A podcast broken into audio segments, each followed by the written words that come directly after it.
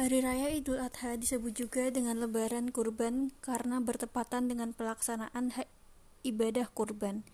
Ibadah kurban dengan menyembelih hewan ternak dan beberapa ketentuan lainnya yang harus dipenuhi, seperti kambing yang disembelih untuk satu orang atau sapi untuk maksimal tujuh orang.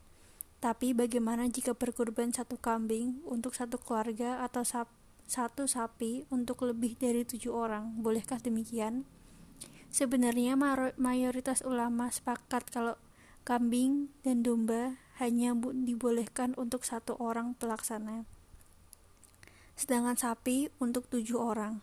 Ketetapan ini berdasarkan hadis Rasulullah SAW yang artinya dari Jabir bin Abdullah berkata, kami menunaikan ibadah kurban bersama Rasulullah.